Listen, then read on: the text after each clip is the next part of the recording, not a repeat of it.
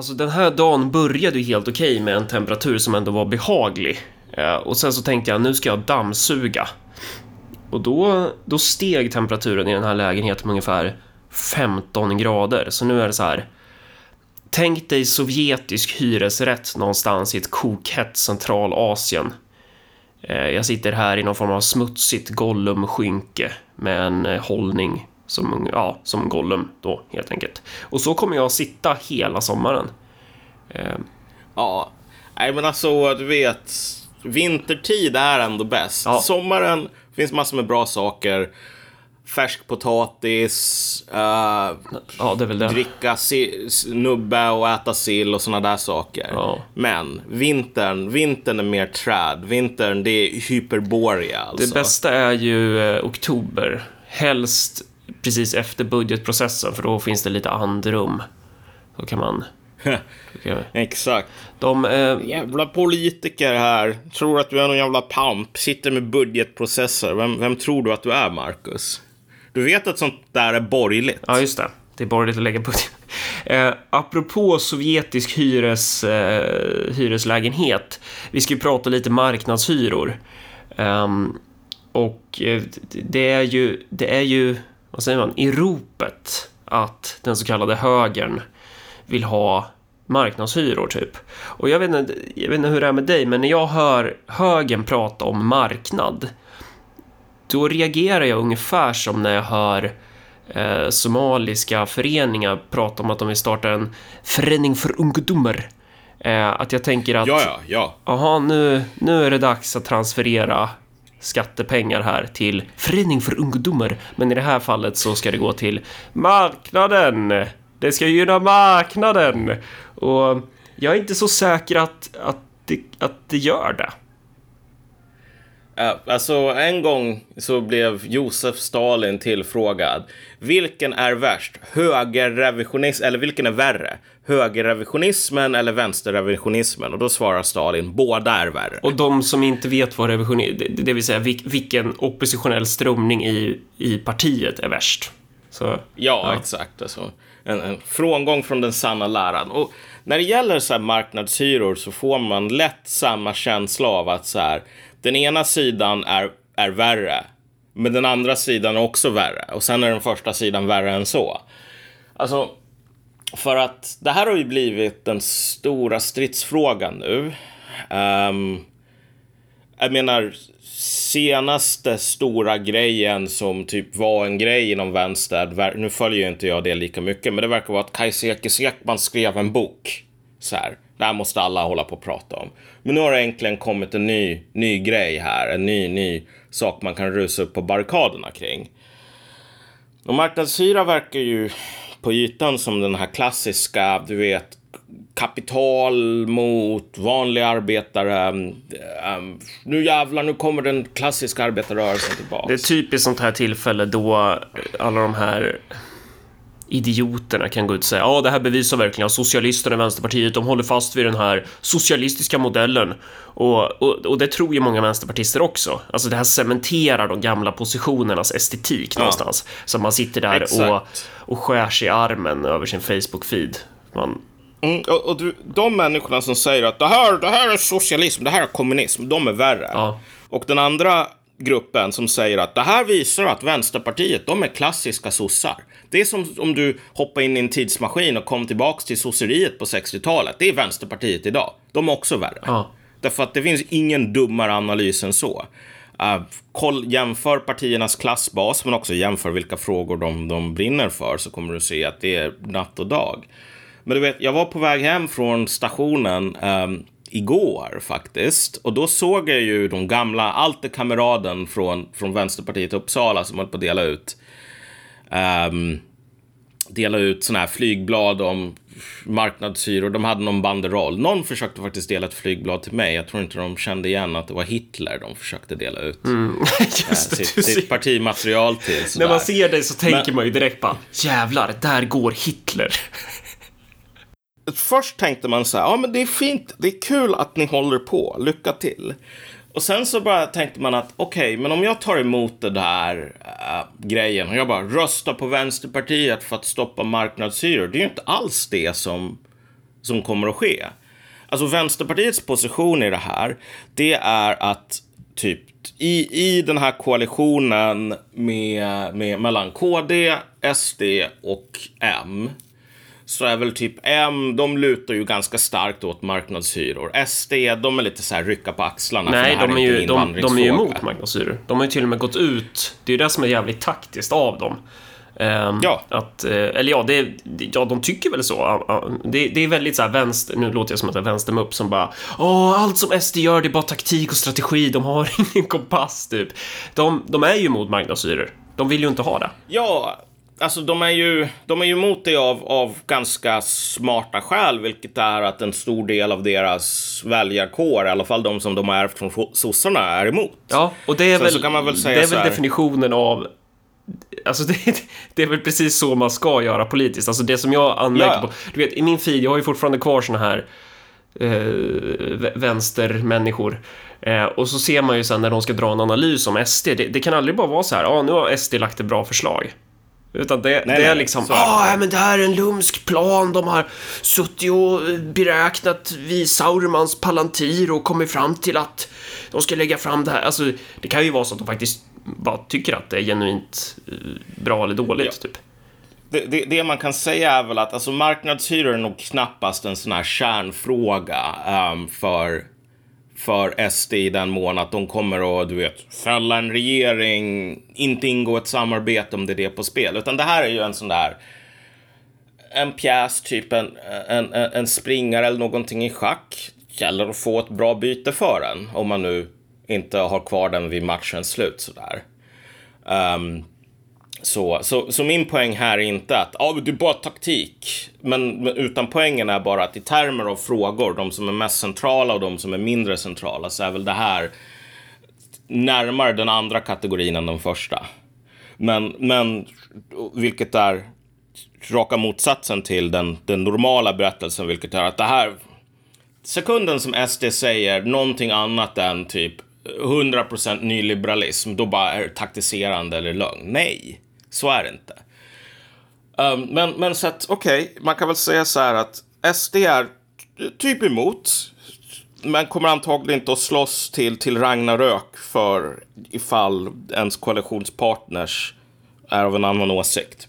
Och sen KD, det vet jag faktiskt inte. Jag tror, där kan det väl men också de vara ganska splittrat. Det är inget intressant, de är bara irrelevanta. Skit i dem. Ja. Um, så att okej, okay, du, har den, du har den koalitionen. Typ ena partiet är typ för, ena partiet är typ emot, det andra partiet, vem fan bryr sig?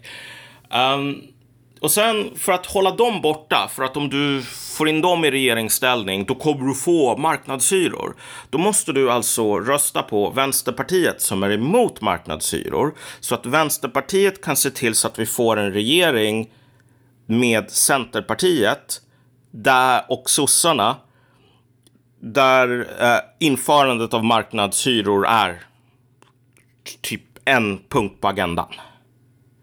Så om du är emot marknadshyror så måste du rösta på oss så att vi kan se till så att vi får marknadshyror för att skydda mot den andra koalitionen som kanske inför marknadshyror. Vi måste införa marknadshyror för att förhindra att vi kanske inför marknadshyror. Det finns ju risk att människor uppfattar det där, som du sa, som, som lite av en halm... Alltså, V menar väl typ att om, alla, om, om så många som möjligt röstar på Vänsterpartiet så kanske de då kanske de kan bilda en regering med S eller så, men det, det känns ju ganska... Bullshit. Ja, det är bullshit uh. sett utifrån hur opinionen ser ut nu, men att...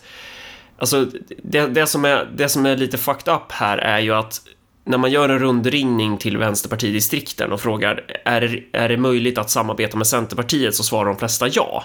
Um, ja. Och då faller ju hela den här sagan om att det handlar om socialism eller liberalism, utan, och det bevisar ju ännu en gång att du och jag och våra storslagna idéer att, att vi är på rätt spår, för att det här handlar ju någonstans om att de företräder samma typ av klassskikt. Det är ju det som ja. gör att Centerpartiet och Vänsterpartiet kan tycka att de står närmare varandra än, än de här hemska människorna i SD.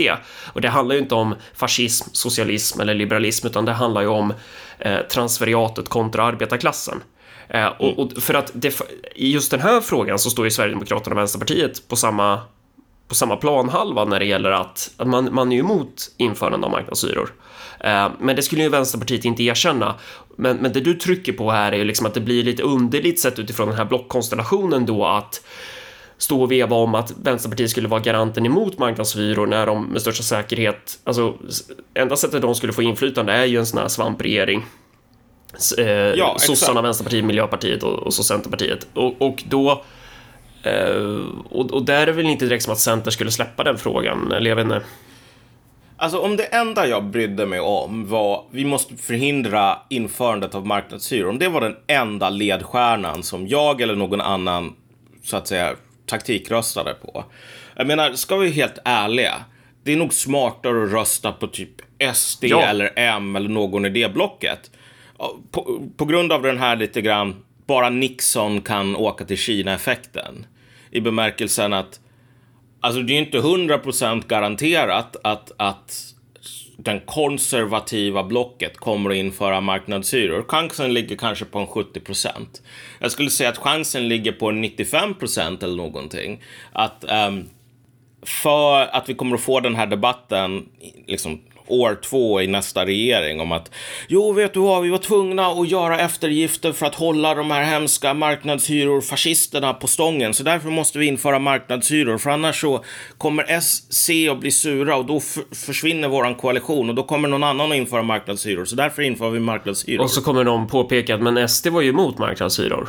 Uh, och då så kommer man säga uh, du är nazist och sen så kommer man ringa ja, chefen exakt. på Twitter och så blir man blockad. Typ jag menar, det, det, det, är, det här är ju en välkänd dynamik. Så här. Vilka, vilket parti är det partiet som är bäst på att typ dra ner på socialbidrag och liknande i USA? Är det partiet som säger vi kommer att dra ner på socialbidrag eller är det partiet som säger du måste rösta på oss annars så drar de ner på socialbidragen? Mm.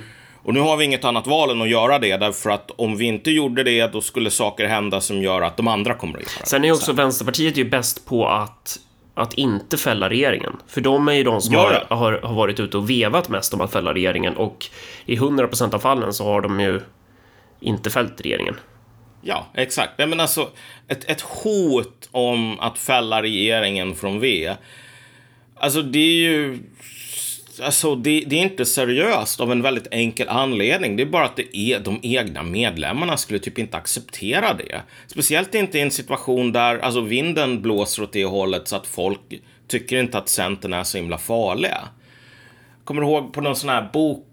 Eh, jag var på den här bokdiskussionen i Almedalen för en fyra år sedan vill jag säga. Åsa Lindeborg och Göran Greider. Och de diskuterar den här boken typ pop, populismens handbok eller vad det nu hette. Populistiska manifestet. Varför, ja, varför skrev de, varför skrev inte du och jag den? Ja, jo, det kan man fråga sig. Um, men det går nog att ändra, alltså åtgärda med tid. Men, men så här. Och då höll de ju på att prata och sen mot slutet så säger ju Göran Greider att alltså, jag bryr mig inte om om du röstar på C. Alltså det, du vet det är helt okej okay att rösta på C för att du använder din, din demokratiska rättighet att göra dig hörd och så vidare. Ja. Så länge som du inte röstar på SD, då är det okej. Okay. Mm. Och så Åsa Lindeborg, hon bara liksom börjar sucka högt och bara nej, nej, nej, sådär. Men jag menar, Göran Greider här var ju en, en trailblazer på något plan. Eller han visste ju åt vilket håll vinden blåste, för det där kanske var en kontroversiell åsikt typ 2017, 18. Det är inte en kontroversiell åsikt idag och det kommer att bli mindre kontroversiellt med tid. Men, men om vi ska tala lite grann specifikt om så här marknadshyror så är väl det lite av en... Alltså ingen sida här spelar väl helt med öppna kort kan man väl Nej, säga. båda är ju värre. Um, och som jag var inne på, det här med förening för ungdomar, så om någon säger att de ska starta en förening för ungdomar och söka bidrag, då, då kanske man kan räkna ut med att ja, men det är nog inte en förening för ungdomar det här, utan det här kommer bara vara fake och så kommer det bara regna ut skattemedel. Och, och, och, lite så är det ju med högern och marknaden också, att, att högens, den svenska högern ska jag säga, det, det är ju en höger som har fostrats med att suga på statens tutte oftast. Um, eller stora segment ja, de senaste av den. 20 ja, åren i alla fall. Precis, alltså det är ju inte som på den gamla goda tiden. Men att det är ju, ja men hela det här, ja men vi ska ha vinster i välfärden, allt det där är ju, alltså, att, att, att påstå att det där är en marknad är ju det är ju inte en marknad, det är ju bara en subventionerad industri. Det är ju ett sätt att för, för kapitalister eh, att, att bara köra in sugsnabeln i, i, i staten. Och, och, det, och, grej, och då kan man tänka sig, ja, hur relaterar det till marknadshyror då? Jo, man kan ju tänka sig att ungefär som du vet när Centerpartiet sa att de skulle så här, vi skulle kunna ha 30 miljoner invandrare och man bara, ja men bidragssystemen då, vad kommer hända med dem? Ja men vi ska ta bort bidragen. Alltså man, man kan ha den här teoretiska idén om att ja, men så här ska det perfekta liberala samhället vara. Alltså många av de här människorna i den svenska högern har ju varit så abstraherade från politisk makt så att de, de, de, de ser ju på politiken på ungefär samma sätt som vi gjorde i Ung Vänster när man var helt jävla abstraherad från politisk makt. Det var bara så här tankeexperiment, typ. Mm. Det här är det perfekta samhället, bla bla bla. Ingen verklighetsuppfattning.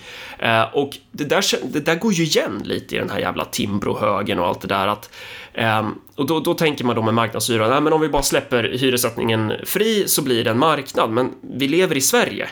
Det, det, är så här, det som kommer hända är ju snarare, tror jag, jag kan ha helt fel, men jag tror att det som kommer hända är att vi får en bara en ännu mer bidragssubventionerad eh, industri där eh, försörjningsstöd kommer eh, bidra till att fastighetsmagnater tjänar jävligt mycket pengar. Så, ja, att, så att det kommer ju vara då att det är inte direkt som att försörjningsstöden försvinner. Det kanske de gör om tio år, men att i den här övergångsperioden åtminstone, då, då kommer ju de här fastighetsbolagen ha jävligt säkra intäkter förutsatt att de har hyresgäster med försörjningsstöd, för det där ska ju skala upp efter hyresnivå. Ja, det finns perversa incitament här, minst sagt, i att um, alltså uh, försörjningsstöd, som sagt, nu är olika kommuner gör ju lite olika bedömningar och så vidare. Men, men rent generellt så är det så att du får din hyra betald så länge som den är skälig. Så att vad socialen kommer att kolla på det är typ kan du bo billigare? Behöver du verkligen bo i en fyra så här om du är ensam? Okej, okay, nej, då får du sälja den här fyran eller liksom hitta en, en etta eller något. Men det där kan ju gå åt lite... Väl... Oh, ja, förlåt, men, men det där kan ju gå åt två olika håll för att de kan ju också landa i slutsatsen att ja, men det är rimligt att du bor i en skitdyr lägenhet. Um, ja, exakt. Jag menar, det är ju, det är ju, det är ju fritt skön här på något plan och det är också så att så här om typ alla hy höjer hyran för sådana här lägenheter som, som folk på bidrag bor i. Jag menar, du har ju de facto inget annat val. Du måste ju bo kvar där. Socialen kan ju inte säga, ja men vet du vad, ett tältläger, det kanske är ett bättre val för dig. Så att, så att um, de flesta, men min poäng här är inte så här att, att det finns massor med luft här, att, att socialen kan bara be folk att flytta till andra lägenheter eller så. Det kan de normalt sett inte, därför att de redan har gjort det ja, i, i den mån det ens går. Så att, alltså, det kommer att vara så att folk på bidrag, ironiskt nog, kan bli en, en, en, en av de säkraste kassakorna eftersom pappa staten kommer att betala för att pappa staten har inget annat val. Så att en, en, en, en situation där du kan över brädet höja hyrorna på um, bostäder som via liksom juridiska medel mer eller mindre har haft en subventionerat låg hyra. Um, det här kommer att vara en stor transferering uh, från, från staten till typ hyresbolag med eller utan skrupler. Och de som borde tjäna mest på det är ju typ slumvärdar. Ja, exakt. Eh, för, och, exakt. Och då, men å andra sidan, då kanske de slutar driva förening för ungdomar och så startar de bostäder för ungdomar och så tjänar man ja, exakt. stor det är ju en det, det, är ju inte en, en obefintlig risk här. Sen så kan man väl säga att, att, att på andra sidan av det här myntet så, eh, hur ska man säga, alltså tanken bakom marknadshyror är ju att man Ja, det är ju en form av subvention, om än en indirekt sådan. Och tanken är att det ska, det ska arbetarklassen ska kunna bo kvar i Stockholm. Och jag menar, det är ju inte en... en ja, du menar tanken, dum... tanken emot marknadshyror? Tanken emot marknadshyror, ja, precis. Med nuvarande system. Ja. Arbetarklassen ska kunna bo kvar i Stockholm. Och jag mm. menar, det här är inte bara någon, någon, någon, någon, fri fantasi. Utan om du ser till många städer, huvudstäder spe, speciellt runt om i Europa, typ Paris. Då, har du, då kan du ju rent demografiskt se hur um, franska arbetare har helt drivits ur staden och nu eh, på grund av att eh, eh, bostadspriserna har gått upp så mycket. Först ut i förorterna, men sen så drivs de ut ur förorterna också. Dels på grund av så här rent etniska konflikter mer eller mindre. Och de här etniska konflikterna, någon sån här kulturgeograf fransk kulturgeograf som har skrivit om det här som jag inte kommer ihåg namnet på. Men han sa ju bara att det sker en sorts blickarnas dragkamp. Så att i, i de här um, stora hyreskomplexen liksom, i, i franska banlieues. Okej, okay, först är det kanske en, en, en 30% invandrare sig och så liksom stirrar man på varandra i foajén. Och sen så kanske det är 50 procent så stirrar man på varandra i foajén. Och den som viker med blicken först, den kommer att flytta ifrån området. Och de som viker med blicken först, för att det här är ju dels en konflikt om resurser och sen dels liksom kulturella etniska konflikter ovanpå det. Men de som flyttar, det är fransmännen av, av två skäl. Därför att Alltså det är enklare. Men sen också så här att även de här förorterna behöver då olika former av statliga subventioner för att, bo, ha, för att det ska vara praktiskt att bo, bo kvar i. Och de subventionerna, de går till folk som det är synd om och det är inte synd om franska arbetare. Så att, så att liksom bara på ett rent geografiskt perspektiv, om du kollar var folk faktiskt bor, så kan det ske sådana här stora citat, folkvandringar, slut citat, inom ett land. Det behöver inte vara folkvandringar nödvändigtvis från en, en, en kontinent till en annan. Du kan ha stora folkvandringar inom en nationalstat. Sen har du väl också den här aspekten i att arbetarklassen är ju lättare att skuldsätta. Alltså den inhemska mm. arbetarklassen, i alla fall i Sverige borde det väl vara så. Och nu, det kanske är så att jag har fel här också, men visst borde det väl vara så att de som ändå har jobb har ju lättare att få ett lån. Så om, ja. du, om du går på bidrag, då kommer väl inte banken vara lika pigg på att låna ut till dig. Och det kanske finns, kanske därför som vissa då vill starta islamiska banker och sådär för de där pengarna som de drar in på den här så kallade skolmarknaden när de driver islamistskolor. Eh, men att, och då, då är det ju lättare då för arbetarklassen att skuldsätta sig och därefter eh, flytta någon annanstans. Och det är ju en till aspekt i det här att så här, ja, men över tid har ju fastigheter har ju blivit sånt jäkla viktigt medel för att lagra kapital. Alltså kapitalet ja. flyr ju in i fastighetsmarknaden och, och Stockholm skiljer sig väl ganska mycket från andra europeiska städer då kan jag tänka mig i att Stockholm har relativt sett ganska låga eh, bostadspriser. Men fan, när jag kollar på bostadspriserna, jag skulle ju inte ha råd att bo i Stockholm. Jag skulle ju fan inte. Och där får du också en sån här geografisk skiktning att bor du i Stockholm och, eh, om, om, du, om du har liksom kommit in på Stockholms bostadsmarknad för en 10-15 år sedan, jag menar, då har ju du tjänat bra med pengar nu. Du har ju ja. fått en skiktning där också.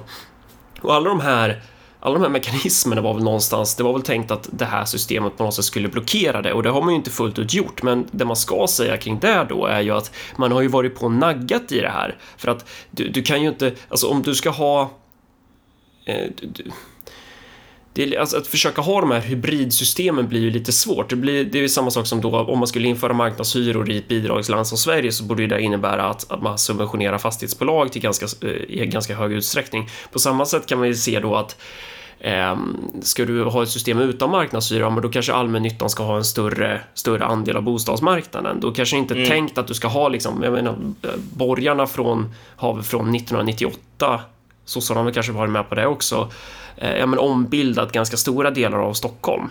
Um, ja. Och, och, och, alla de här grejerna, då har man ju varit på och successivt monterat ner det här eh, systemet. Så, att, så vi har ju, båda alternativen är ju hybridsystem någonstans. Ja, alltså allmännyttan i Stockholm är ju bara ett, ett skal av vad det var en gång i tiden. Så här, det är ju det är inte mycket kvar. Och så här, det, du, du, sätter fingret på någonting intressant som behövs utforskas lite mer här när du säger att alltså, det är ju ganska låga, lå, relativt låga priser på bostäder i Stockholm jämfört med andra huvudstäder. Och svaret på det är ja och nej. Alltså bostadsrätter i Stockholm är inte billiga. Vi, vi har en bostadsbubbla som verkar dra ut på tiden, men förr eller senare så kommer den uh, antingen att säcka ihop som en soufflé eller spricka. Um, men så, att, så, att, så att bostadsrätter apdyra. Men hyresrätter, där är det så att en hel del av dem är fantastiskt överkomliga faktiskt. Det här är, du vet, USA, en gång i tiden kunde du köpa så här maskingevär vid postorder. Alltså riktiga militära maskingevär. Du kunde köpa en MG42 liksom. Via postorder i USA. Och sen så förbjöd de det. Men sättet som de förbjöd det på, det var bara att säga att uh, man får inte sälja några nya. Men då fanns det ju en hel del maskingevär um, kvar i cirkulation. Och då sa man bara att ja, men de här, de får man sälja, tradera och så vidare. Om det är ett maskingevär som är tillverkat eller importerat till USA innan typ 89, då är det okej. Okay. Uh, men inga efter det. Vilket betyder att det finns alltså så här typ MG42 från andra världskriget som idag kostar en 100 000 spänn eller någonting. Därför att så här, de, de finns fortfarande kvar. De är fortfarande lagliga att äga, men det kommer inga nya. Och den här, den sortens effekt finns ju på hyresmarknaden i någon mån. Att um, det finns hyresrätter med eh, subventionerade, artificiellt låga hyror. Och att komma över dem, det är liksom att, att nå jackpot. Det är som att bara hitta en sån här legal äh, maskingevär eh, eh, eh liksom, i, i, i soptippen eller någonting och så ser man att det bara fortfarande funkar. Alltså du, om du kommer över en av de här ehm, eh, väldigt ovanliga skatterna, ja men då är du made. Och då blir problemet här lite grann att du får en situation där vi bara tänker oss, vilka är det som kommer att komma över de här riktigt återvärda kontrakten som alla håller på och jagar efter? Är det en, en, en person som klev av planet från Afghanistan i fjol? Ja, det kan det ju vara. på riktigt alltså. För de kan alltså, ju bli, alltså, de får ju gå före i bostadskön. Det är, det, är, det är så ja, det är. De får, de får i och för sig gå före i bostadskön, ja. Men alltså mycket, mycket, när du har en sån här jättebegränsad marknad och den är extremt åtråvärd, alltså priset som man kan vinna. Uh, vad du får då, det är fusk och mygel och liksom backroom dealing. Så att alltså, eh, på ett plan, det som, det som grämer mig lite grann med den här vänsterpartistiska, vi, vi slåss för arbetarklassen. Mm. Alltså ja och nej. Ja, de slåss väl också för typ fackpamparna som bor i trevåningslägenheter i... Eh, Exakt. Ja. Exakt. Alltså, det här är... Alltså det, det, är ingen tvekan om att om du jobbar som, jag vet inte vad, eh, liksom, sophämtare eller någonting i Stockholm. Att, att det kommer inte att vara någon jättestor vinst för dig in, om man inför marknadshyror. Antagligen så kommer det vara en förlust eller så kommer det vara neutralt, men inte någon jävla vinst. Men på ett plan, den gruppen som är allra mest sårbar, det är nog inte sophämtare. Utan den gruppen som är allra mest sårbar i Sverige, det är nog gruppen som är allra mest sårbar i USA, vilket är den eh, medelklassen, den övre medelklassen som är på väg att glida ner. Därför att för dem så är det så att kostnaderna med att försöka uh, uh, upprätthålla sin, sin egen klass, liksom standard, de höjs hela tiden de människorna som inte kommer att ha råd att bo kvar i exklusiva eller åtråvärda områden, du vet, för alla måste bo i Stockholm om de jobbar med journalism. Mm, alltså, det finns, det finns en djup oärlighet i hur man håller på och presenterar det här som om det bara vore en, en, en, liksom en, en, en livboj man kastar åt jordens salt. Nej, det här är en livboj som man kastar åt sig själv i åtminstone lika stor mån, om inte större. Men ja, jag håller ju med dig. Eh, men samtidigt så när man säger så här, störst förlorare eh, det, då får man ju också se till respektive persons förmåga att klara sig utan den där subventionerade hyresrätten då. Mm. Och, och, det är väl lite det som är grejen att om du skaffar en bostadsrätt, eller så här, det du skulle ha gjort det är att du bodde i hyresrätt typ på 90-talet, ombildade den till bostadsrätt till ett jävligt billigt pris och sen bara sålt den idag typ. Då hade du gjort den bästa dealen. Det näst bästa du skulle kunna ha gjort är att skaffat en bostadsrätt för eh, ja, tio år sedan eller bara för typ tre år sedan, vad fan vet jag. Eh, och sen bara ridit på det. Alltså det, det är som att sitta på så här. Det, det är ju en, det är väl typ 10% i ökning på bostadsrätter i Örebro det senaste året, så jag kan ju tänka mig vad det är i Stockholm. Eh, 20 på villor eller någonting. Och då... Och det är det som blir då att din bostad blir ju mer än ett boende i det här samhället. Mm. Det, blir ju, det blir ju ett aktiesparande fast det inte är aktier utan det är din fastighet eftersom kapitalet flyr dit och i takt med att så här, vi har en tomtkö i Örebro på 1300 personer. Jag tror vi släppte 23 tomter eller någonting förra året. Eh, alltså när, när det är de proportionerna, det är ju inte direkt som att villamarknaden kommer bli mättad då, utan det, den här efterfrågan är ju extremt hög. Eh, men åter till det här då med att så här, vem är störst förlorare? Alltså de här personerna som bor i hyresrätter, de har ju kapacitet att kunna köpa in sig på skitdyra bostadsrätter. Ja, inte alltid. Jag tror att det är där skon klämmer lite grann. Ja, du tror det alltså? För att det jag, alltså... det jag tänker då är att de borde ju ha, har de bott i en billig hyresrätt, då har de ju kunnat lägga eh, pengar på sitt snart beskattade ISK-konto och så har de liksom sett hur hur aktierna har vuxit eller någonting. Att, att det, borde ha, det borde finnas någon säkerhet för transferiatskikten. De är inte helt, de är inte helt jävla fakt om man inför det här systemet. Tror jag inte. Men å, å andra sidan, om de bor i fucking palats med en så här kraftigt subventionerad hyra på typ 4000. Ja, jo, det är klart att då, då måste de ju sänka sin standard kanske om de vill ha Um, alltså det är svårt för mm. dem att köpa det där på marknad då. Alltså den, den, den, stora, den stora grejen och det som verkligen har varit pådrivande med många sådana här citat vänsterpopulistiska uppror, slutcitat. Klassbasen är det, vilka är det som är drivande? Det är så här, folk 25, 26, 27, någonstans där. Ofta typ inte 16-åringar, utan folk som hamnar i den åldern där boomers, det vill säga deras föräldrar, redan skulle ha skaffat en lägenhet och, och karriär och allting sådant. Och så kan de själv inte göra det.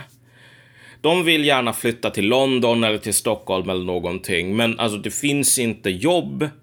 De håller på och går mellan liksom temporära internjobb, um, tjänar inte nog med pengar, det finns inte nog med stolar inom akademin, bla bla bla sådär. Och så hela tiden, de har inte de har inte nog, de, kan, de är inte starka nog för att erövra den platsen i hackordningen som de tycker att de förtjänar. För de har fan gått och pluggat på Södertörn eller någonting sådant.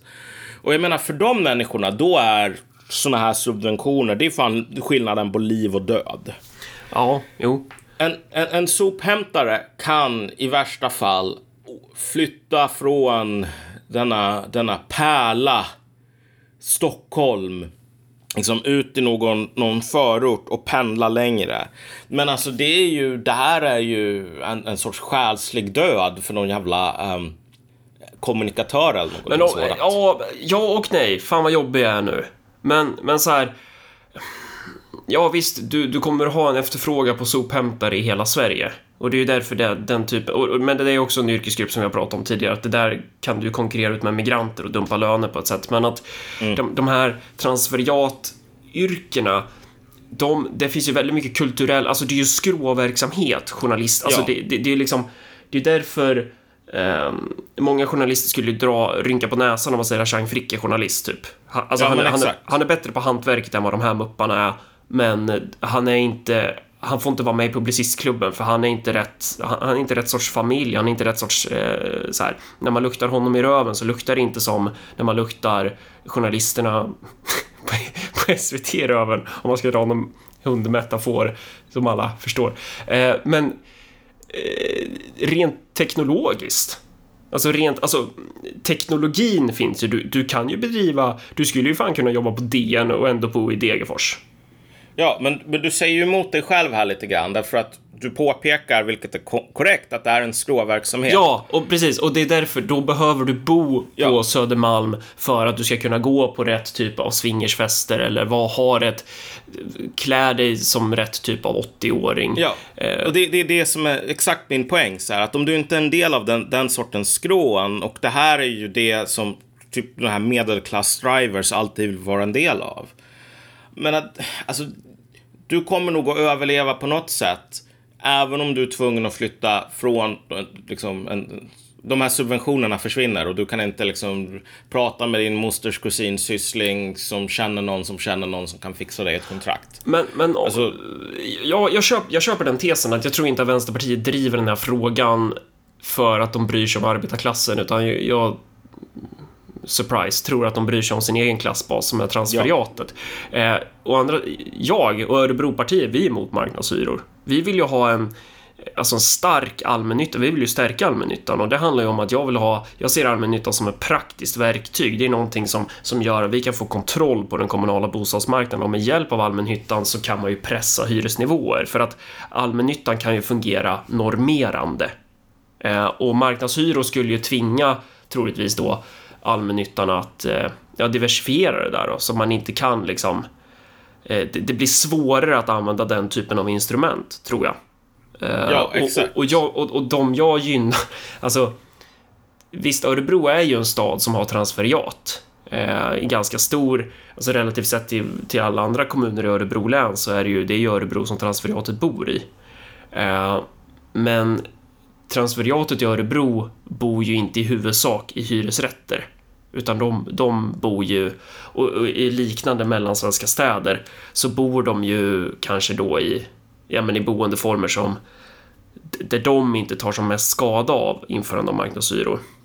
Eh, Så att de som skulle förlora mest på det i städer som Örebro, eller ja, i merparten av Sverige skulle jag säga, det är ju knegare. Ja, och Örebro kommun också antagligen. Um, alltså i den mån man är tvungen att betala mycket mer pengar i, i socialbidrag, bostadsbidrag till slumlords. Så. Ja, och nu har ju inte vi så många slumvärdar här, utan det är ju, vår, det är ju typ våra egna... Eh, alltså, vi, vi har ju väldigt stor... Öbo äger ju fortsatt merparten av Vivalla, så att då skulle det vara så här pengarna går runt i systemet, typ.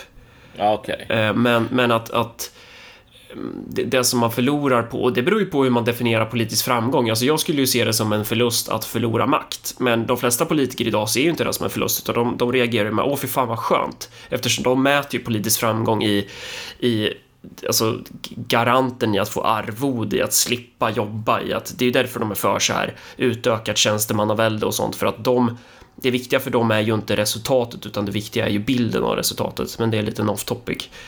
Ja, exakt. Nej, men alltså, det är därför som vi sa, gjorde den här lite skämtsamma jämförelsen med vad är värst, höger, um, högeravvikelsen, högerrevisionismen eller vänsterrevisionismen. Båda är värst. I det här fallet så kan man väl säga att det nuvarande systemet är djupt trasigt. Det kan man, det tycker jag inte det borde råda någon tvekan om. Och då menar jag inte en modell där man olika parter förhandlar om, om hyressättningen, utan hela övergripande sammanhang som förhandlingarna sker i. Liksom bostadsmarknaden är djupt trasig på massor med olika sätt. Och, och nuvarande modell blir på många sätt en subvention för folk som redan är relativt starka, om inte finansiellt så i alla fall politiskt. Men alternativet, det är ju fan inget alternativ. Så här, um, det, det, det, det är som att, ja, jag har cancer, nu ska jag dricka en flaska klorin. Okej, varför då? Så är det. Men jag tänkte, en till grej i det här som, alltså det är många som eh, för jag menar de här bostadsformerna i och med att det har blivit en, en säkerhet och ett sparande, en trygghet. Att knegare som bor i villa, de, eh, det är ju en trygghet för dem också. Eh, Så länge priserna går upp. Hur många villor är som, som, som är hyresrätter dock? Ja, det är in, inga. Eh, Jag har ju dock funderat på, eller jag har till och med skrivit med det i vår budget, det är sjukt att ingen har huggit på det, men att jag pratade om det i något tidigare avsnitt också, att så här, jag, jag vill ju titta på hybridformer. Alltså att kommunen börjar bygga, bygga villor. Eh, som man skulle ha Eh, och, då, och där kan man ju då vända på det, men om, om vi skulle så här, by- bygga två eller tre tusen villor i kommunal regi, ja men då skulle vi ju sabba för de som redan bor i villa, för då skulle de priserna gå ner. Eh, och då fuckar vi för deras sparande. Så, och det är ju det där som är då att alla de här grejerna, man måste ju vara så jävla försiktig. Ja, men då kan du kanske bygga, om du bygger 100 villor på ett år eller bygger, alltså så, så att du, du parerar nedgång, du försöker möta de här så att du får en jämvikt någonstans. Eh, men det där kanske också skulle vara en riktig flopp, för folk kanske skulle vara så här, men jag vill inte bo i jävla hus som som jag inte äger. Fast det tror jag å andra sidan man, att man gärna gör om... Eh, eh, Nej, det är en bra idé. Det är en bra Du, idé. det är, en, det, är en, det är en intressant, det är intressant att du tar upp det. För alltså, det här är på ett plan en väldigt bra brygga till det som vi hade tänkt att prata om på andra hälften av det här avsnittet. Vilket är zooma ut bilden lite grann och ehm, bara göra klar den här kopplingen mellan den sortens människor som för marknadshyror och det här vinster i välfärden och eh, det som vi snackade om innan vi började. Kapitalism som är eh, ackumulation genom fråntagande. Och anledningen till varför ditt förslag här är intressant som, som en övergång, en brygga. Det är så att eh, det som håller på att ske i USA just nu, som jag tror saknar motstycke i historien, i alla fall i USAs historia. Det är att alla de här stora uh, jättarna på Wall Street, typ Blackrock och liknande. Vad de håller på att göra nu är att de håller på att köper upp villor. I, um, i um, villaområden då. Och USA har ju mycket mer villaområden. Det här är ju en del av den liksom, frivilliga segregationen i det landet. Så. Men företag kommer ut, köper upp hela beståndet och så tänker de vi ska hyra ut det här. Um, och det går typ inte att konkurrera med. Alltså det är så att om du går på en visning av en villa nu och så, och så är priset så här 1,3 miljoner dollar eller någonting. Uh, ett, efter ett par timmar så kommer det någon representant från typ Blackrock och säger okej, okay, det här kostar 1,3 miljoner dollar. Vi, vi ger dig alltså pengar i handen, 1,4 miljoner dollar ikväll. Du får hela summan på en gång om du säljer det här huset till oss. Tänk dig att du är någon sån här äh, en övre medelklassfamilj. Du kommer inte kunna betala en, ett, priset för en hel villa. Alltså i kontanter i hand. På en och samma gång, normalt sett. Alltså du vet, du behöver gå till banken och ordna lån och det är massor med knas. Men Blackrock har typ mer pengar än Gud, så de kan göra såna här saker. Det intressanta här är liksom varför sker det? Och, och en av anledningarna till att det sker, det är ju att du... Det finns så otroligt mycket pengar idag, så otroligt mycket kapital och så få investeringsmöjligheter. Så att nu håller man på att göra en sån här grundläggande förändring i alltså hur folk bor.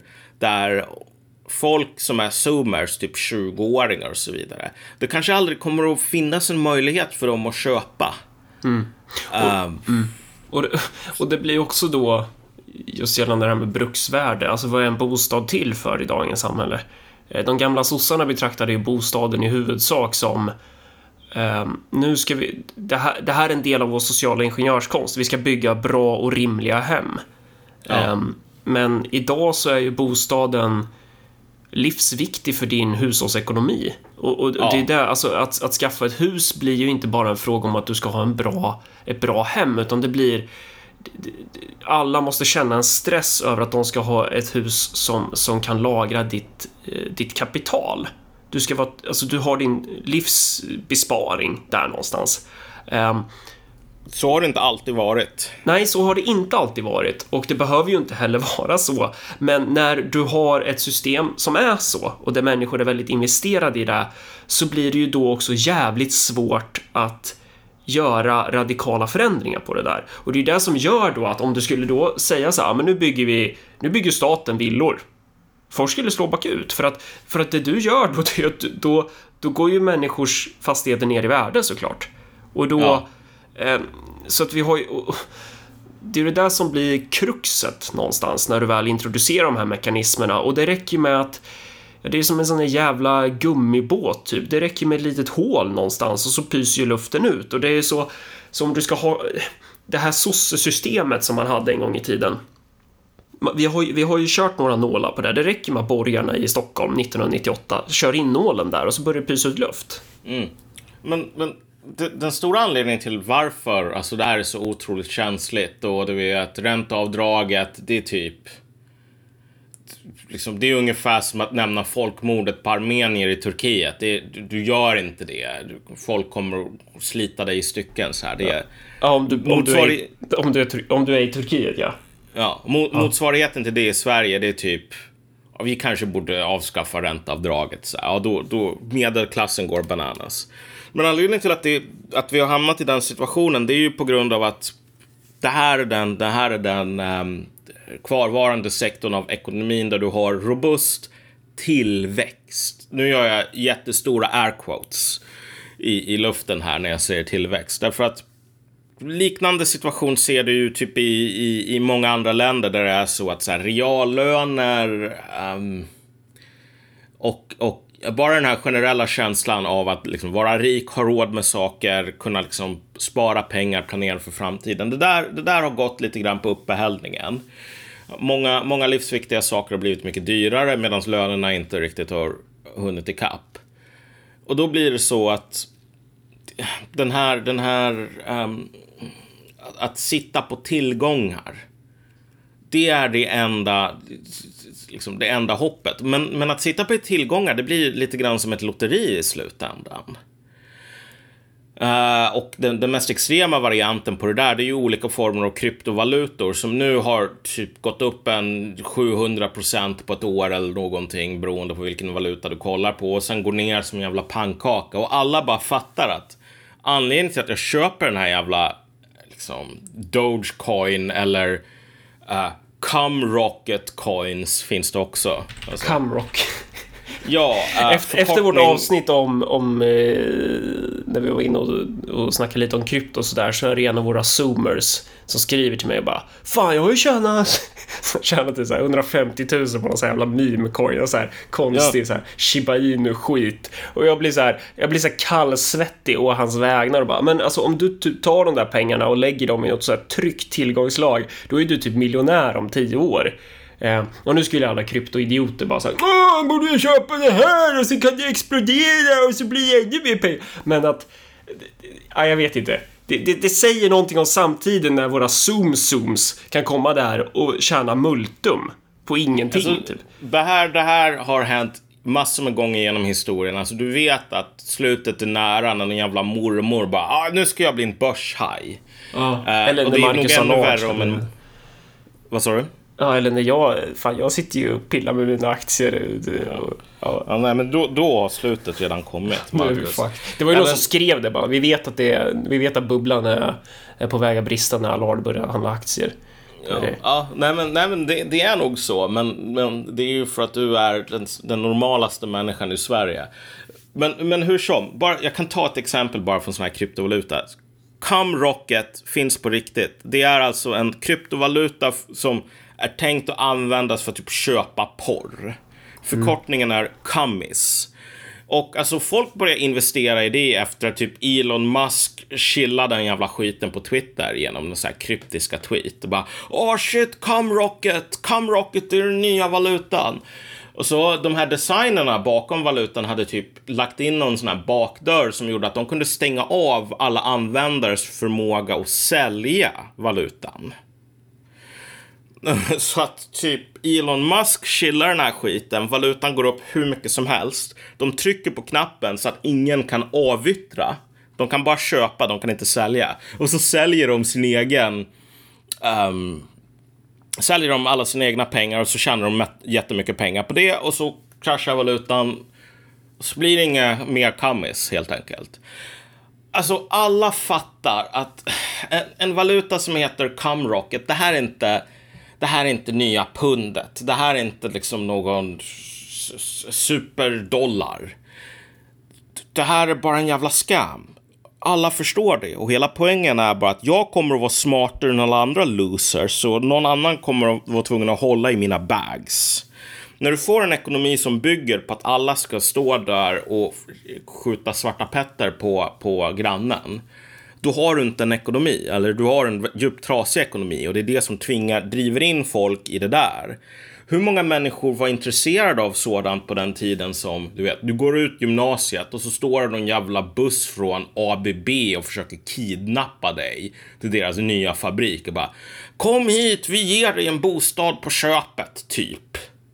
Alltså det, det var inte riktigt så en gång i tiden, men det var åt det hållet alltså. Mm. Så här, 22-åriga slashasar kunde skaffa en, en, en helt okej okay lägenhet. Det är bra att du garderar där, för jag, jag har halvlyssnat lite och sen har jag försökt googla om jag har haft fel i det jag har sagt.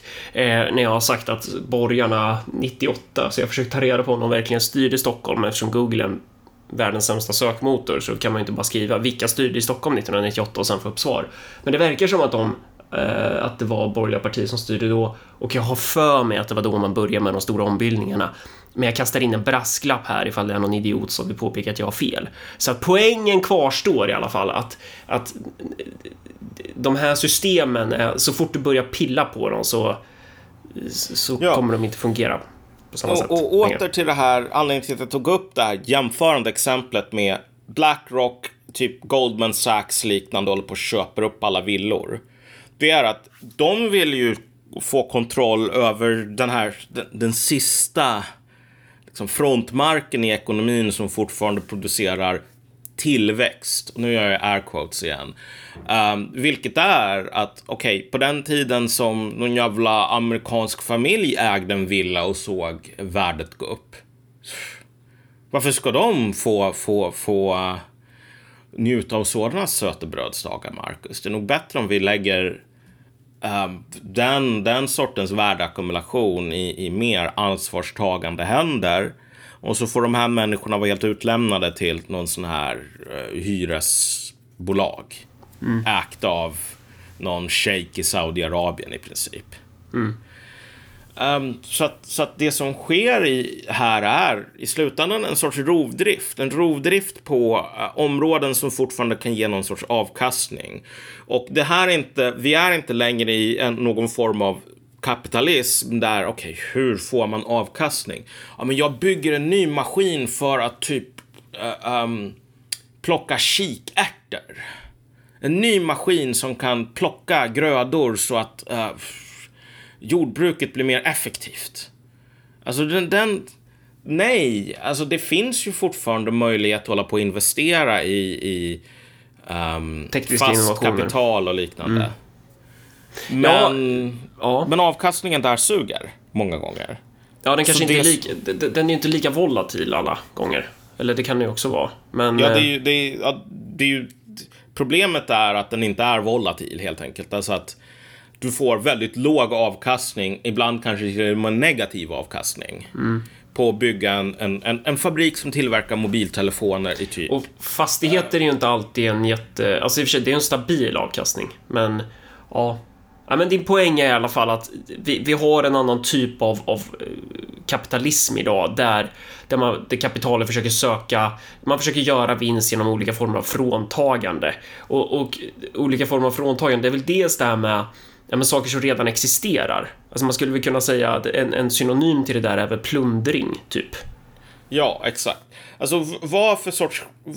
Vad händer om vi, om vi stirrar på ekonomin som en, en praktisk grej snarare än ettor och nollor och BNP? Ja.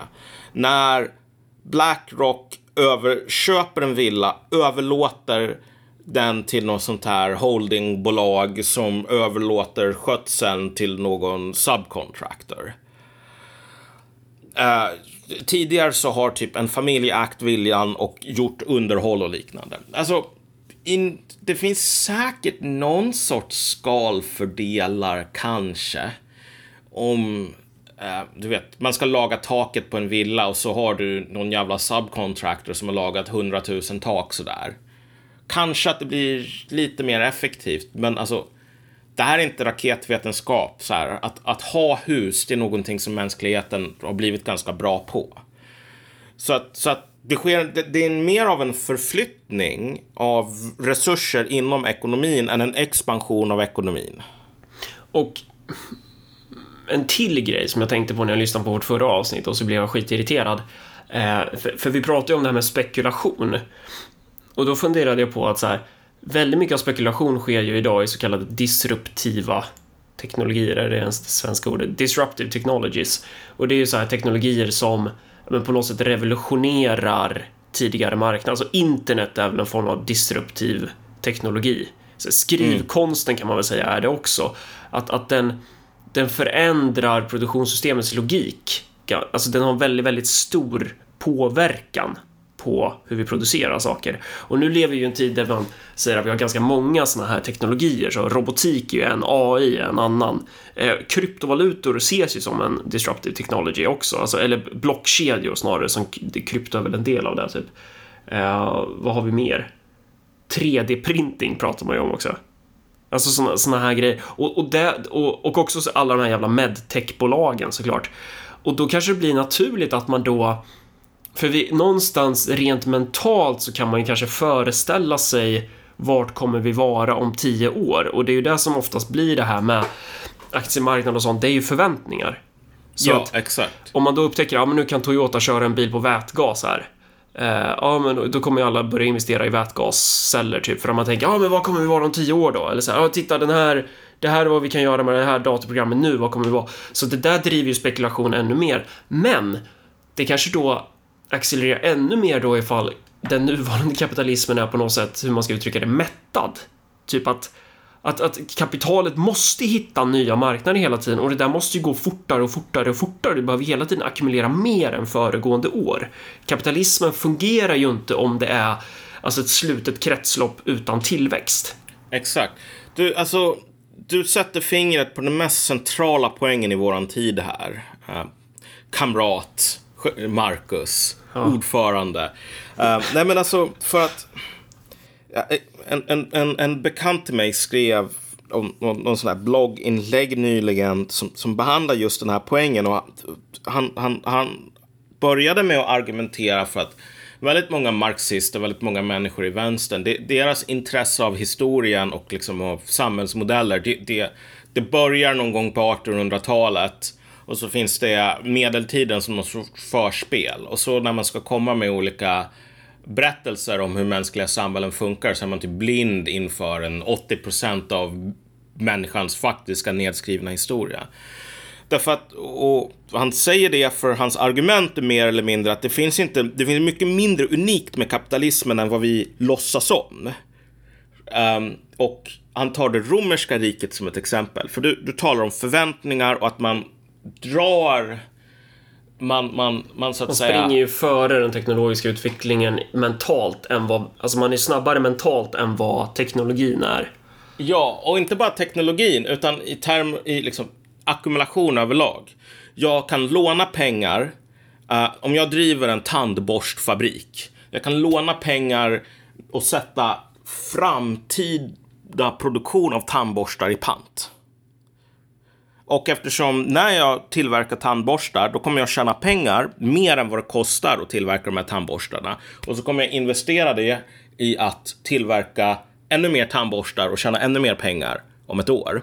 Så kan jag låna saker med ränta och liksom, du kan ändå få det att funka. Varje gång som du försöker införa ränta i system som inte växer, typ ganska många agrara samhällen, då leder det enormt, väldigt snabbt inom typ ett par generationer till uh, gigantiska sociala ekonomiska katastrofer.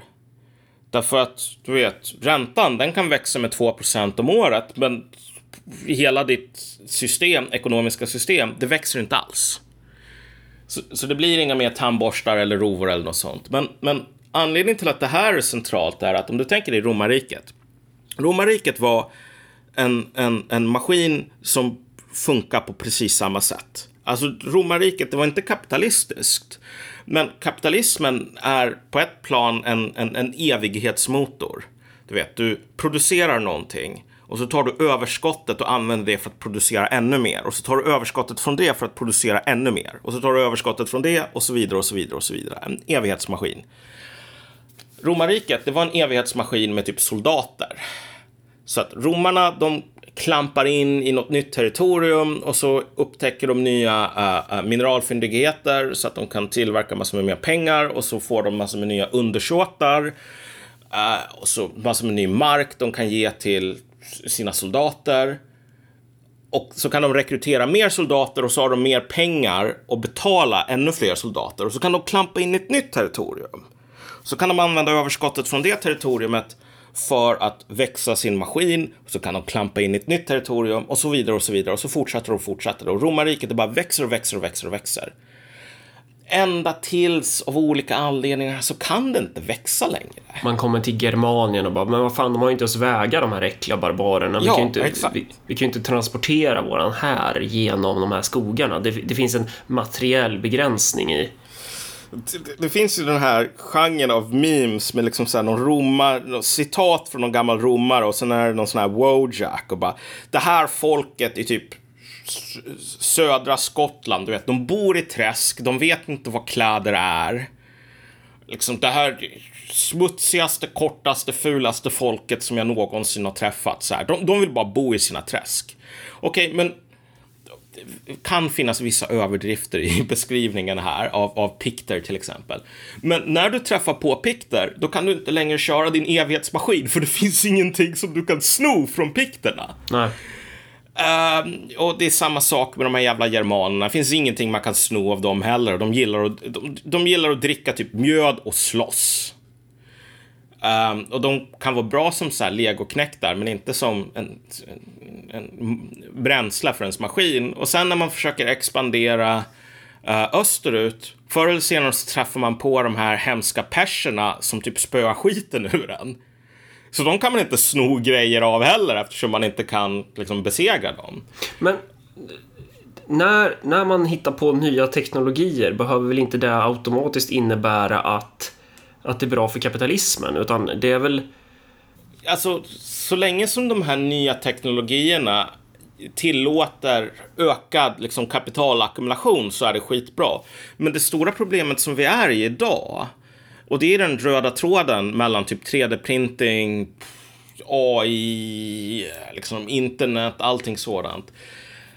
Att så här, ser man till den faktiska ekonomin, liksom produktionsekonomin, Alltså det är inte mer grejer som, det, det, det, det blir inte mer producerat liksom. Evighetsmaskinen, den, den, den går inte på lika bra.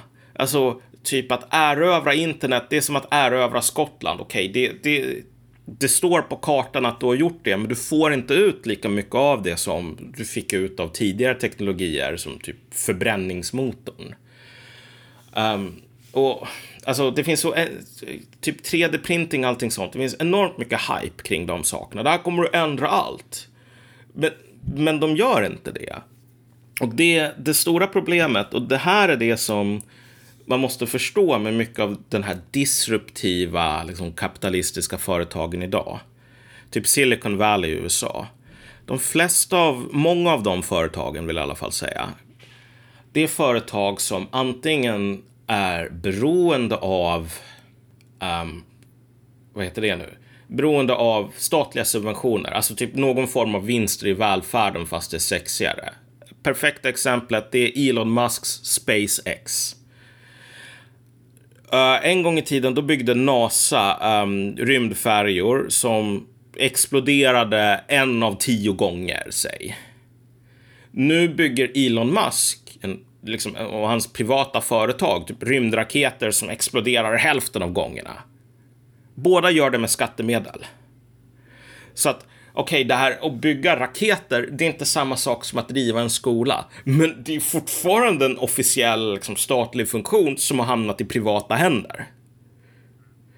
Och jag menar, folk bara, ah, vi kommer åka till Mars snart. Uh, staten är ineffektiv, Elon Musk är så jävla bra, pytsan. Men det är fortfarande en privatisering här. Det finns, det, finns bara, det finns bara en person i hela världen som säger ordet pytsan och som gör det som du. Pytsan. Ja, men alltså det, det, vi, vi kommer antagligen inte åka till Mars. Och även om vi gör det, det är liksom, ja, så här, det, det är fortfarande, det som har skett här är att en statlig funktion har, nu har vi flyttat över pengar. Du vet, staten kommer med en k-pist, trycker upp den i näsan på eh, eh, vanliga Jon och säger skatt, det är inte frivilligt, du måste betala.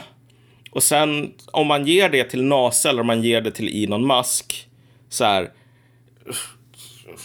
förflyttningen där, det är inte någon jävla revolution i produktionsmedlen. Nej men är inte den, alltså den, den övergripande trenden och det är väl inget nytt, pratar ju gamla skäggot om också, att så här, kapitalismen socialiserar ju produktionsmedlen. Alltså de, de blir för, alltså de blir mer och mer samhälleliga. Eller har jag missuppfattat det? För att, för att det vi har idag, den övergripande trenden är att staten blir det primära produktionsmedlet för hela produktionen. Alltså att staten tar ju en större och större roll.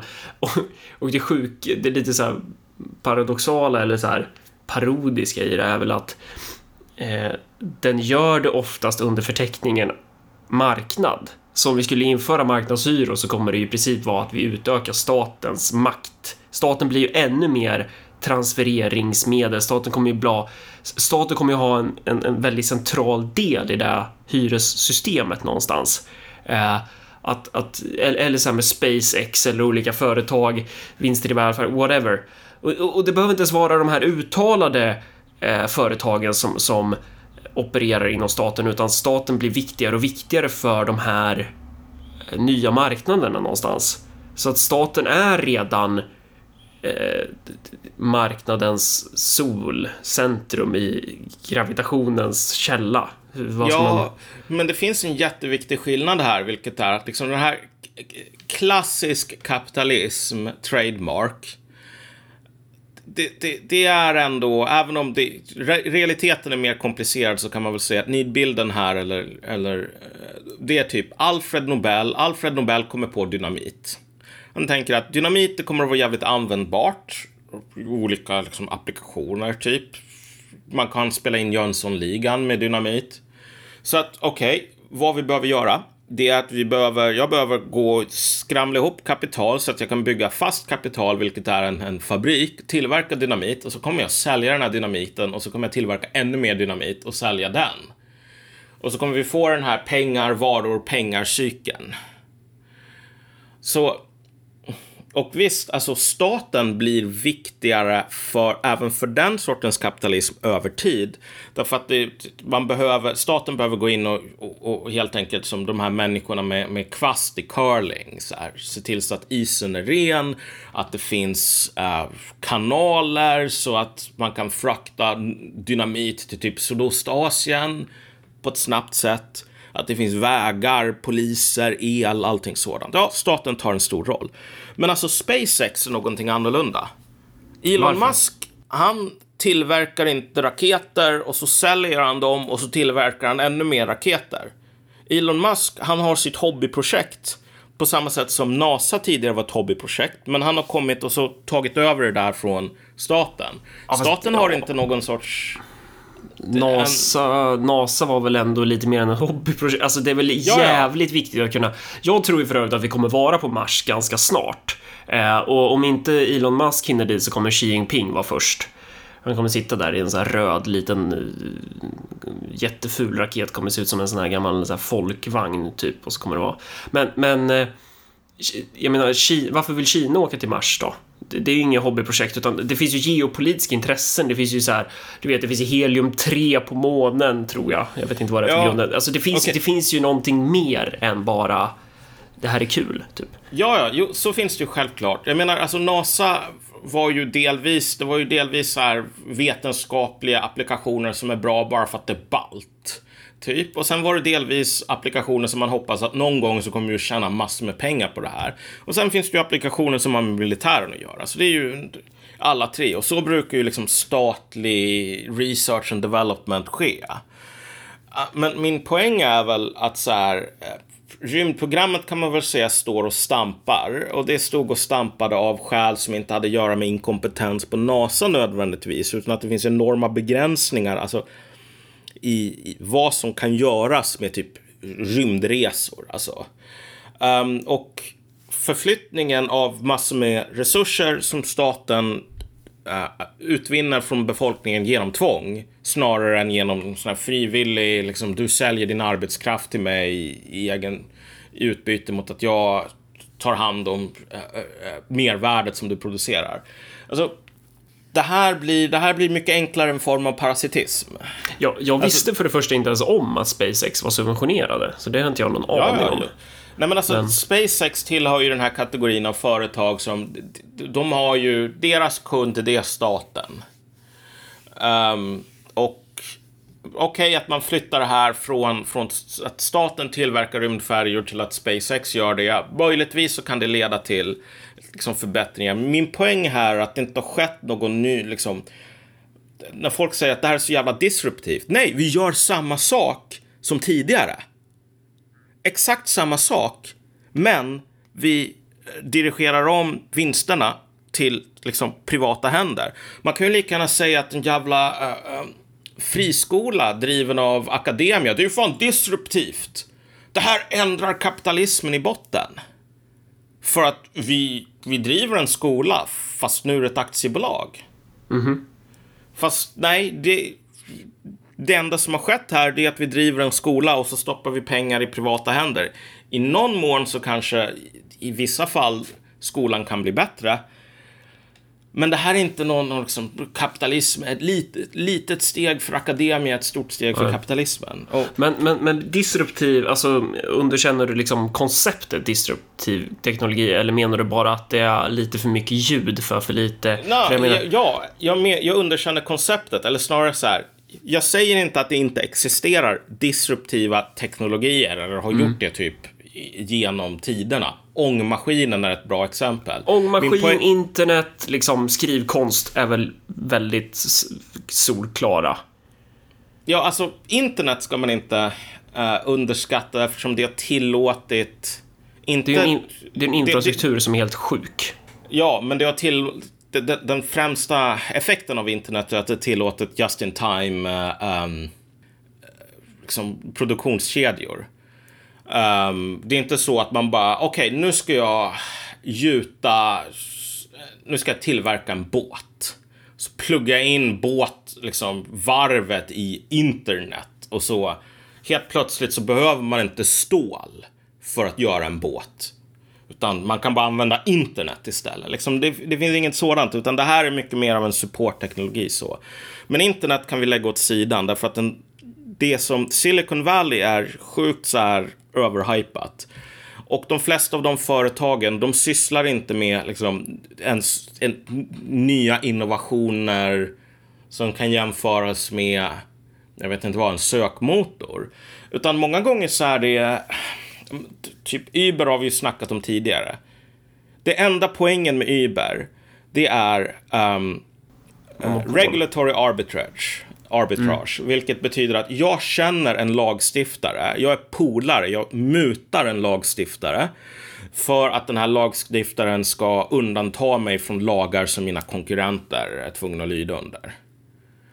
Om du säger till Uber att ni måste le leva under ungefär exakt samma um, anställningsvillkor och liknande som typ taxibolag. Uh, då finns inte Uber längre. Uh, och hela Ubers grej, och det här är varför disruptiva teknologier är så jävla viktigt att hålla på och tjata om för Uber.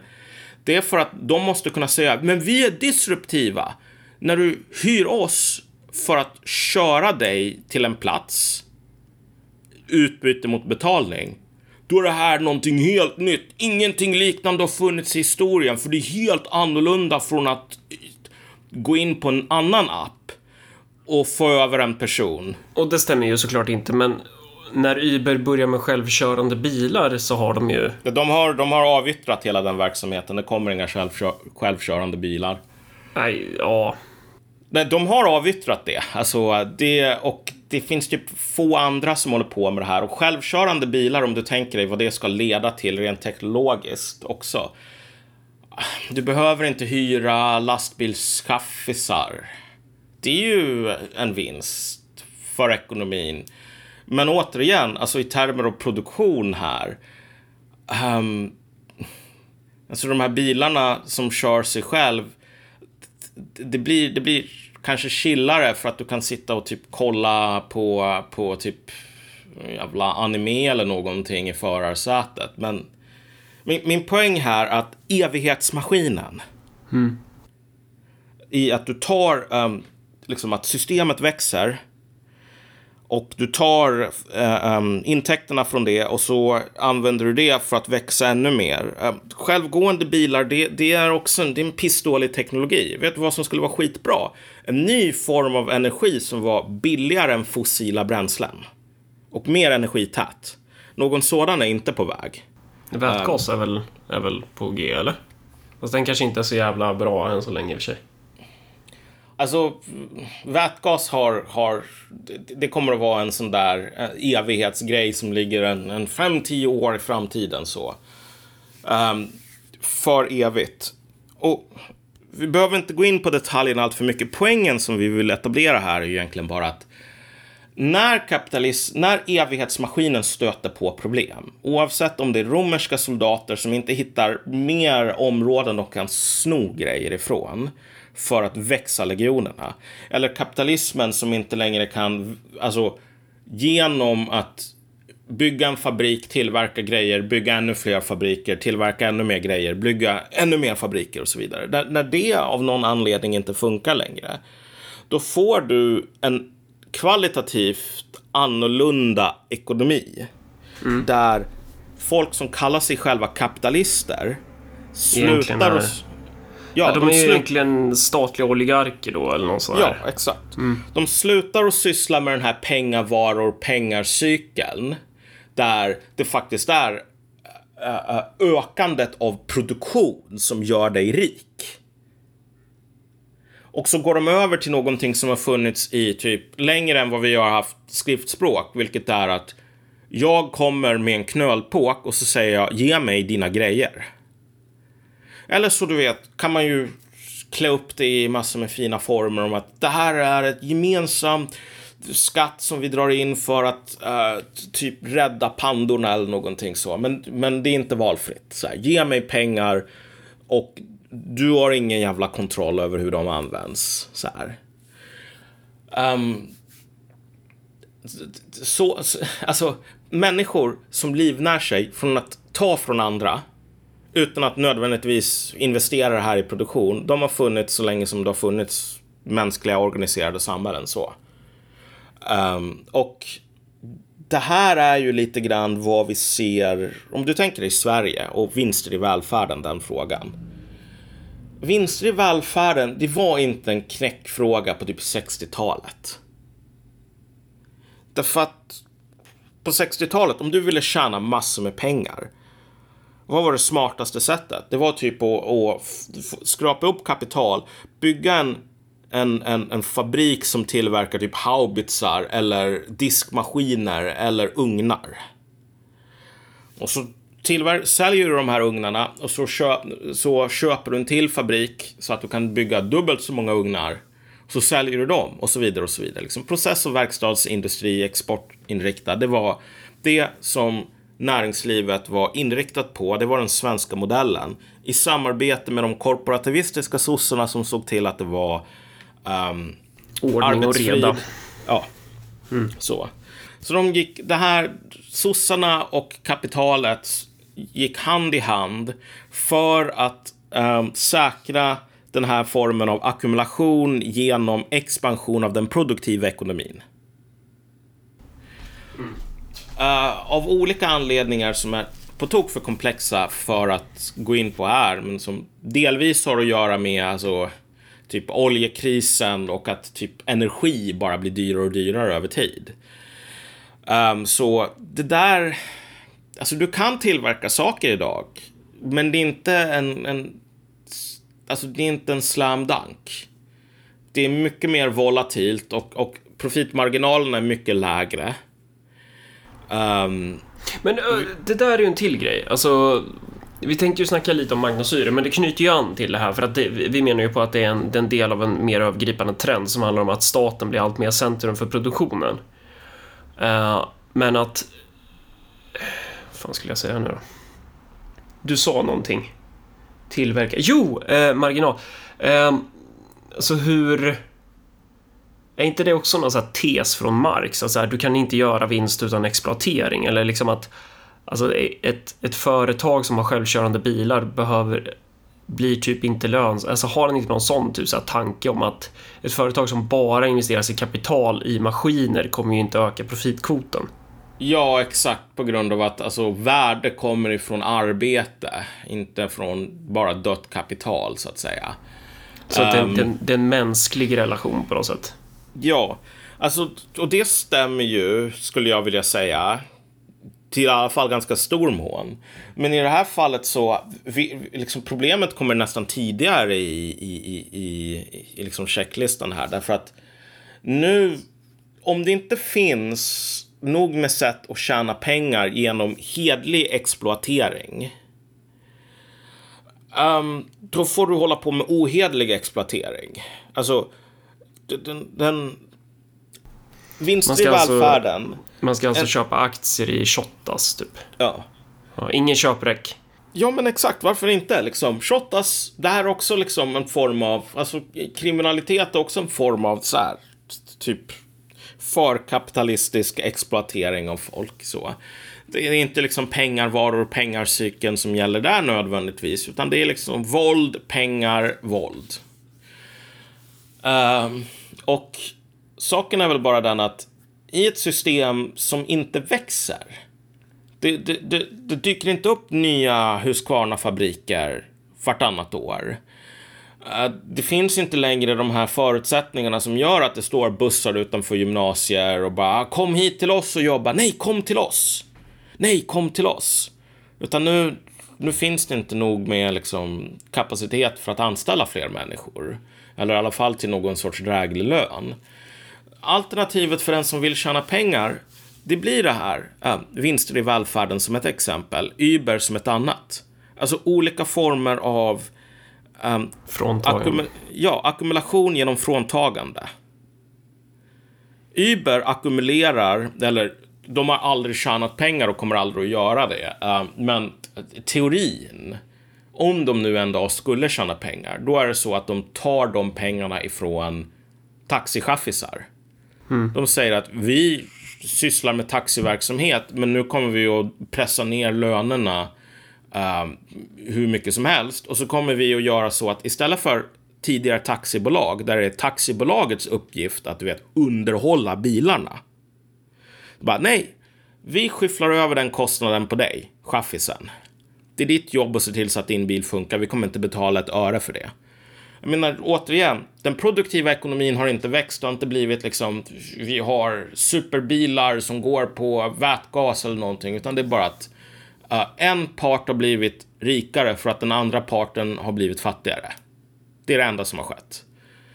Och den logiken, den logiken, um, den är genomgående i våra samhällen idag. Från typ grön teknologi till vinster i välfärden till liksom det disruptiva Silicon Valley.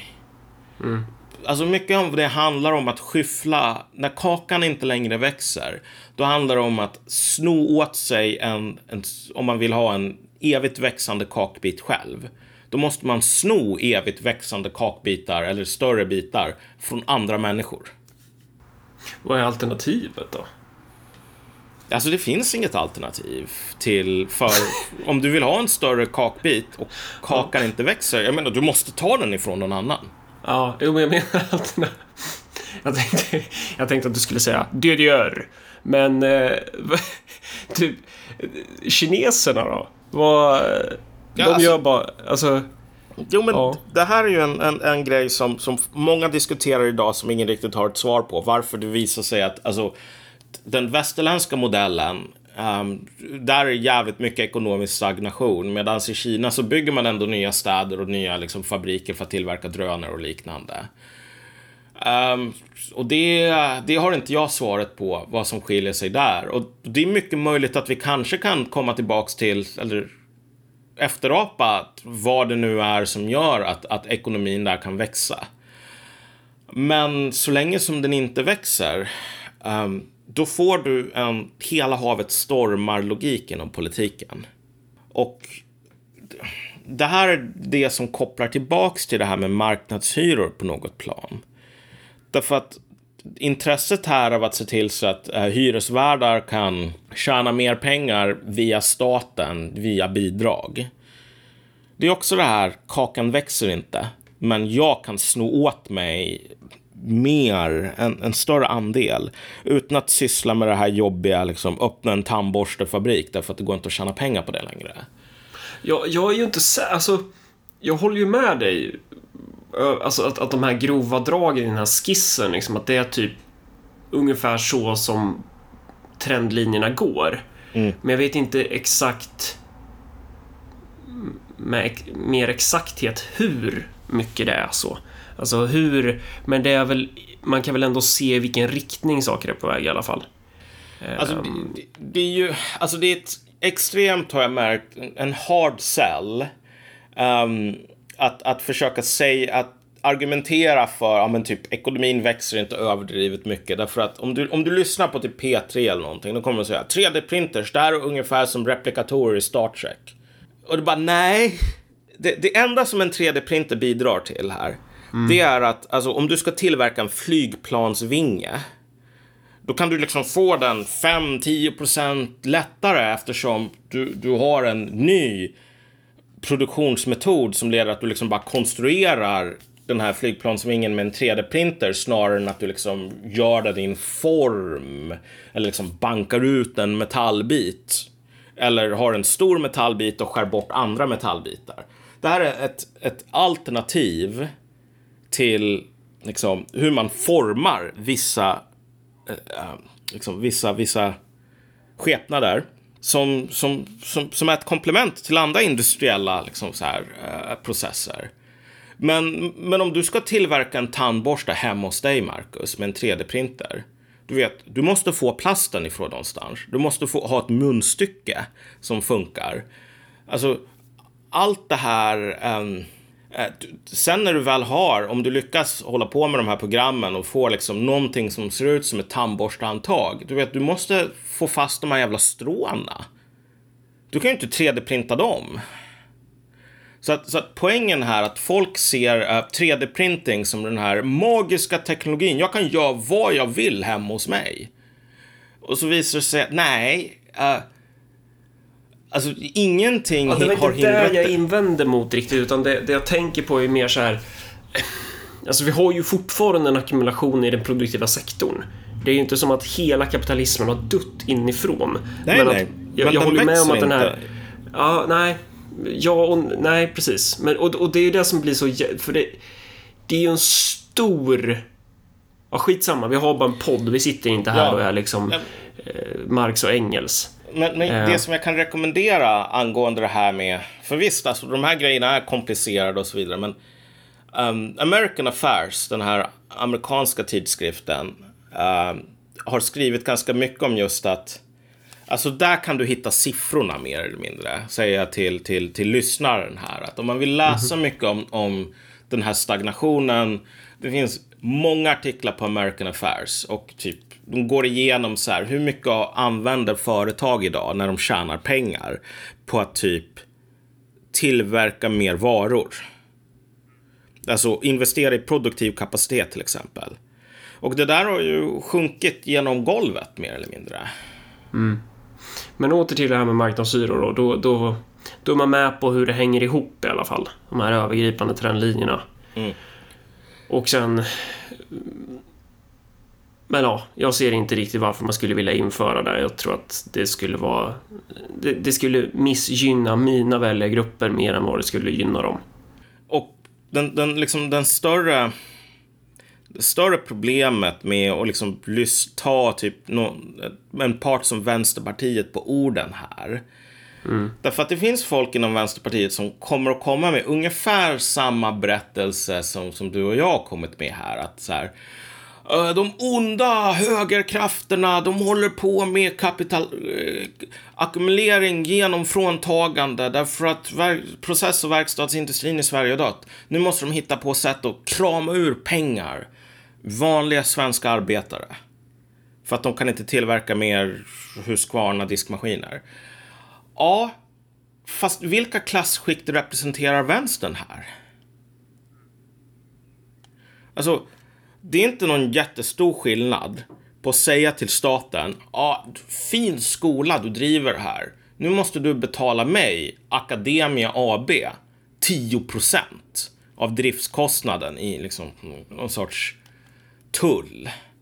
Och att säga fin skola du driver här, nu måste du betala mig, någon genusexpert på RFSL, tull.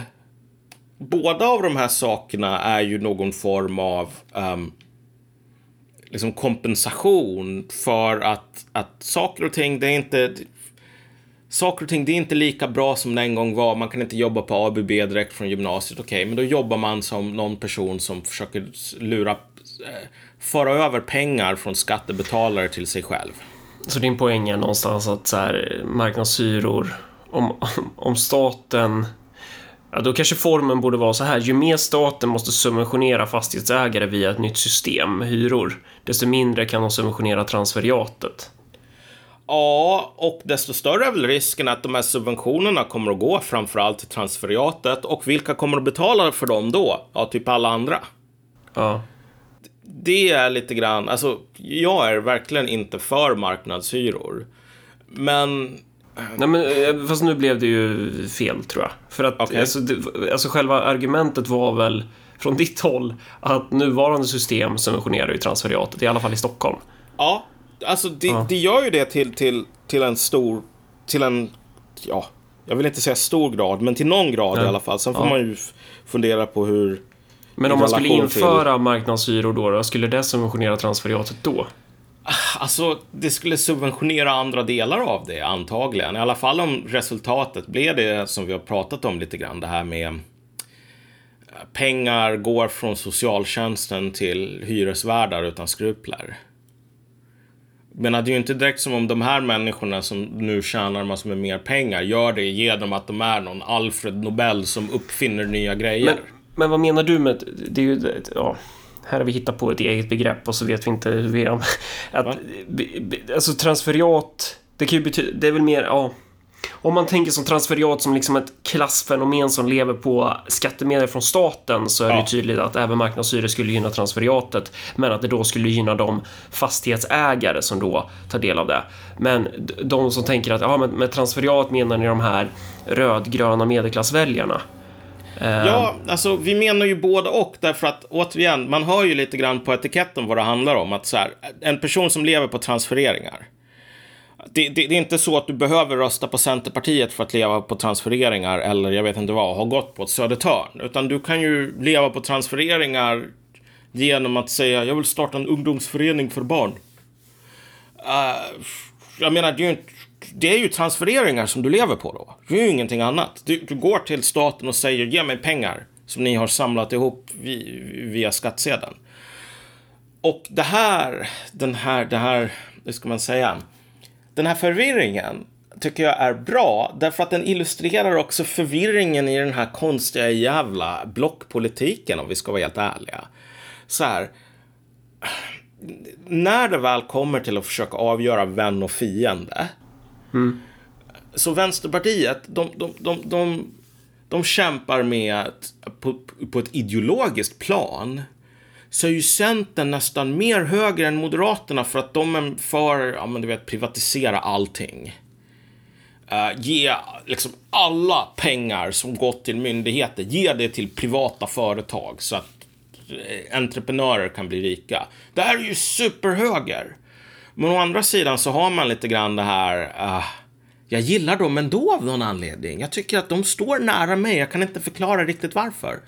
Mm. Hur kommer det sig egentligen? Är det för att Annie Lööf är så karismatisk? För att hon är en jävla ginger? Uh, är det någonting annat? Uh, och, och, ingen kan klura ut det. Liksom. Varför, varför känner jag den här konstiga attraktionskraften? Trots att jag är den rödaste socialisten och jag älskar Marx och Lenin och bla bla bla. Varför känner jag den här konstiga attraktionskraften till liksom drottningen av nyliberalism? Uh, för att ni är inte så jävla annorlunda ändå. Nej. Alltså, Eh, eh, eh, ett parti som säger vi borde ta mer av statens resurser och ge det till liksom, folk som inte är produktiva, som inte kan hitta produktiva nischer i ekonomin, men som gärna vill tjäna massor med pengar. för över resurser från skattebetalare till jag vet inte vad, förvaltare av liksom privata jävla boenden åt typ SOS eller någonting. Och folk som säger, jag tycker vi borde ta pengar från staten och så borde vi föra över dem till människor som har jobb, liksom du vet, tagit examen från Södertörn men som inte kan hitta ett jobb. Vi måste skapa jobb via skattsedeln åt människor som typ inte är en del av den produktiva ekonomin och som liksom, vet inte vad, dricker rödvin och äter ciabatta typ. Alltså det är ju olika faktioner, men det är fortfarande samma Ja. sorts parasitära organism. Ja. ja, det där har vi varit inne på eh, en del. Det är ju folk med på. Men fan, det känns som att nu, nu har vi ändå, nu är vi uppe i en och en halv timme här. Och jag vill inte in och gröpa för mycket. Känner du att det är något mer vi vill göra tydligt? Det känns väl som att vi har fått ett avsnitt här nu. Ja, precis. Ja. Så, så för att summera. Uh, marknadshyror, båda sidorna är värre, som Stalin sa.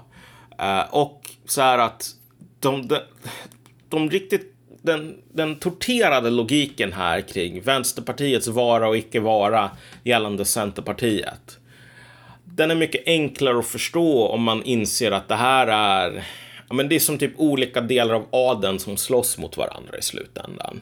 Det är därför som den här koalitionen kan hålla.